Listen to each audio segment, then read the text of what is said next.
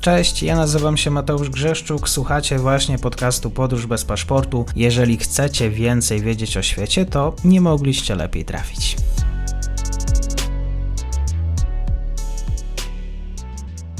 Dzień dobry wszystkim słuchaczom. Dzisiaj tematy ukraińskie. Moim gościem jest dzisiaj pan dr Marcin Gabryś z Uniwersytetu Jagiellońskiego w Krakowie. Dzień dobry panie doktorze, dziękuję za przyjęcie zaproszenia. Dzień dobry, cieszę się, że mogę wystąpić. Ci, którzy y, już słuchają tego podcastu, wiedzą, że doktora Gabrysia y, zapraszam wtedy, kiedy rozmawiamy o Kanadzie, a Kanada daje też pretekst do tego, żeby rozmawiać o Ukrainie, bo tutaj świat zachodu w pewien sposób nerwowo reaguje na to, na te doniesienia o potencjalnej rosyjskiej e, agresji, a Kanada też również bardzo poważnie podchodzi do zagrożenia, jakim dla Ukrainy są e, rosyjskie wojska. Prawda, panie doktorze? Tak. E, Kanadyjczycy bardzo mocno obserwują te sprawy i że to dotyczy nie tylko polityki, Kanadyjczyków, ale też, też zwykłych Kanadyjczyków, bo oczywiście mm, Kanada przecież e, jest sąsiadem e, Federacji Rosyjskiej przez e, Arktykę i te kwestie związane z rosyjską agresją no, mm, kiedyś być może też będą mm, takim problemem bezpośrednim dla, Kanady, dla Kanadyjczyków, więc tutaj ta obserwacja jest, jest bardzo ważna. Co finalnie z Kanady powędruje na Ukrainę? Poza pieniędzmi oczywiście, które, które są od jakiegoś czasu przeznaczane w, w, ramach różnych programów, e, no to mamy taką e, sytuację cały czas dynamiczną, jeśli chodzi o, o broń, bo to jest ta kwestia, która teraz wydaje się być najważniejsza. Ukraina bardzo by chciała kupić od e, Kanadyjczyków jak najwięcej broni defensywnej, przeciwlotniczej, przeciwczołgowej. Na razie nie ma zgody ze strony Kanady. Być może to się zmieni w przeciągu najbliższych e, dni nawet, e, natomiast e, jak do tej pory Kanadyjczycy oferowali Ukrainie przede wszystkim no taki, taki sprzęt, który no, raczej był, był, był takim wyposażeniem dla żołnierzy w postaci kamizelek kuloodpornych czy, czy jakiegoś, jakiegoś sprzętu do wykrywania min i nie miał charakteru no, ani defensywnego, ani ofensywnego. I myślę, że tutaj należałoby oczekiwać jakiejś decyzji w tą albo w, drugą stronę w najbliższym czasie. No a poza tym być może e, w najbliższych dniach też Kanadyjczycy zadecydują o kolejnym przedłużeniu misji szkoleniowej w, e, prowadzonej przez, przez kanadyjskich żołnierzy. Już od kilku lat e, wyszkolono kilkanaście tysięcy żołnierzy ukraińskich i ta misja się kończy w marcu pewnie też właśnie w ciągu najbliższego czasu e, usłyszymy o, o jej przedłużeniu. No a mm, jakby najnowszym, najnowszą wiadomością jest to, że Kanadyjczycy wysłali niewielki oddział sił specjalnych na Ukrainę. Nie do końca jest jasne w jakim e, celu. Spekulacje idą w, w kierunku no, zorganizowania ewentualnego ochrony i ewakuacji dla, dla personelu ambasady kanadyjskiej, dla, dla żołnierzy też właśnie tych szkolących e, żołnierzy ukraińskich. Natomiast no, to, to jest niewielki oddział, więc, więc nie ma charakteru jakiegoś takiej znacznej pomocy ze strony Kanady dla, dla wojska ukraińskiego. Jaki wpływ na, też na decyzję władz Kanady może mieć e, ukraińska społeczność w Kanadzie, a wiemy, że jest dosyć spora? Tak, ukraińska diaspora to jest mniej więcej 11, 10, 11 społeczność etniczna w Kanadzie. Ona liczy około miliona 400 tysięcy E, osób, takich tak najszerzej e, to definiując, e, natomiast jest bardzo dobrze zorganizowana, bo ma świetnie działające instytucje z ukraińsko-kanadyjskim kongresem na czele, taką parasolową instytucją, która, która grupuje mniejsze E, organizację w, w, tej społeczności, która ma bardzo dobre kontakty z władzami, takie, które nawet pomimo zmiany rządu w Kanadzie udaje się utrzymać. I to powoduje, że nawet sama, sam rozmiar tej, tej diaspory, chociaż ona oczywiście jest bardzo znacząca, to jest druga diaspora ukraińska po Federacji Rosyjskiej E, na świecie. Natomiast e, no, ta, ta instytucjonalna sprawność, którą, którą udało się Ukraińcom w Kanadzie zorganizować, jest, jest, jest ważna. Kontakty bezpośrednie do e, ministrów w rządzie federalnym są utrzymywane. Nawet w ostatnich dniach było kilka spotkań z najważniejszymi przedstawicielami kanadyjskiego gabinetu, z Melanie Jolie, minister spraw zagranicznych i z panią Anand, minister obrony narodowej czyli tym najbardziej wpływowym, e, wpływowym teraz częścią gabinetu. No a mm, pani e, Christia Freeland, e, która jest wicepremierem i ministr, ministrą finansów, jest z pochodzenia Ukrainką, no jest takim bardzo wyraźnym dowodem na to, że E, ta diaspora ukraińska e, jest widoczna w, w establishmencie politycznym kanadyjskim, bo to nie jest, e, nie jest przypadek tych polityków o ukraińskich korzeniach właściwie od lat 70. jest na różnych poziomach życia politycznego Kanady zawsze sporo. Do kilkunastu nawet posłów w parlamencie ma korzenie ukraińskie. No a jeżeli uda się właśnie w gabinecie posłom e, o ukraińskich korzeniach zdobyć jakieś takie mocne pozycje, no to to, jest bez, to, to ma bezpośrednie przełożenie na, na, na, możliwość e, przedstawienia tej sprawy ukraińskiej, która no niewątpliwie od 2014 roku obraca się wokół suwerenności, wokół zagrożenia rosyjskiego i, i pomocy ewentualnej, które Kanada może udzielić Ukrainie, żeby, żeby tą nie, niezależność, niepodległość Kanady, e, Ukrainy utrzymać. Czyli Kongres Ukraińsko-Kanadyjski to jest to największa, najważniejsza organizacja, która zrzesza Kanadyjczyków ukraińskiego pochodzenia. Czy ona dzisiaj też reaguje aktywnie na to, co się dzieje? Tak, bardzo aktywnie reaguje. Przeglądałem aktywność e, UCC z, ostatniej, z ostatniego miesiąca. No i to, to, to jest naprawdę mm, organizacja, która ma takie bezpośrednie kanały dostępu do polityków na poziomie federalnym. I to jest o tyle mm, interesujące, że właśnie oni byli bardzo mocno aktywni w, w czasie Euromajdanu w 2014 roku podczas po inwazji e, Rosji na Krym.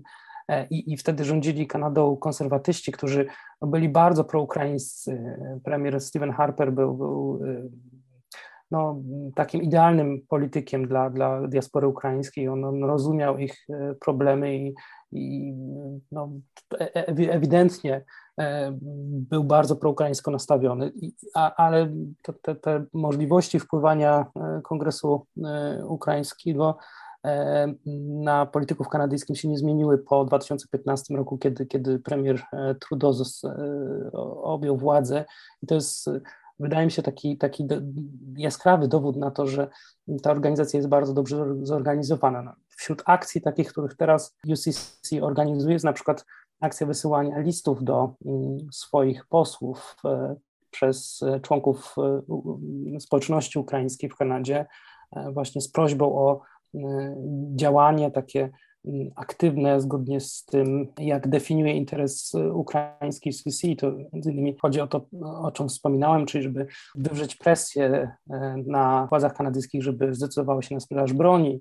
Chodzi o e, rozszerzenie tej misji po raz kolejnej szkoleniowej, ale chodzi też na przykład o dostarczanie przez Kanadyjczyków zdjęć satelitarnych, takich, które mogłyby pomóc wojsku ukraińskiemu no oczywiście jest też sprawa Nord Stream 2, która, która jest bardzo, bardzo mocno podkreślana przez UCC e, jako, jako ten, ten, ten element, który rozbija solidarność europejską, która oczywiście szkodzi interesom ukraińskim.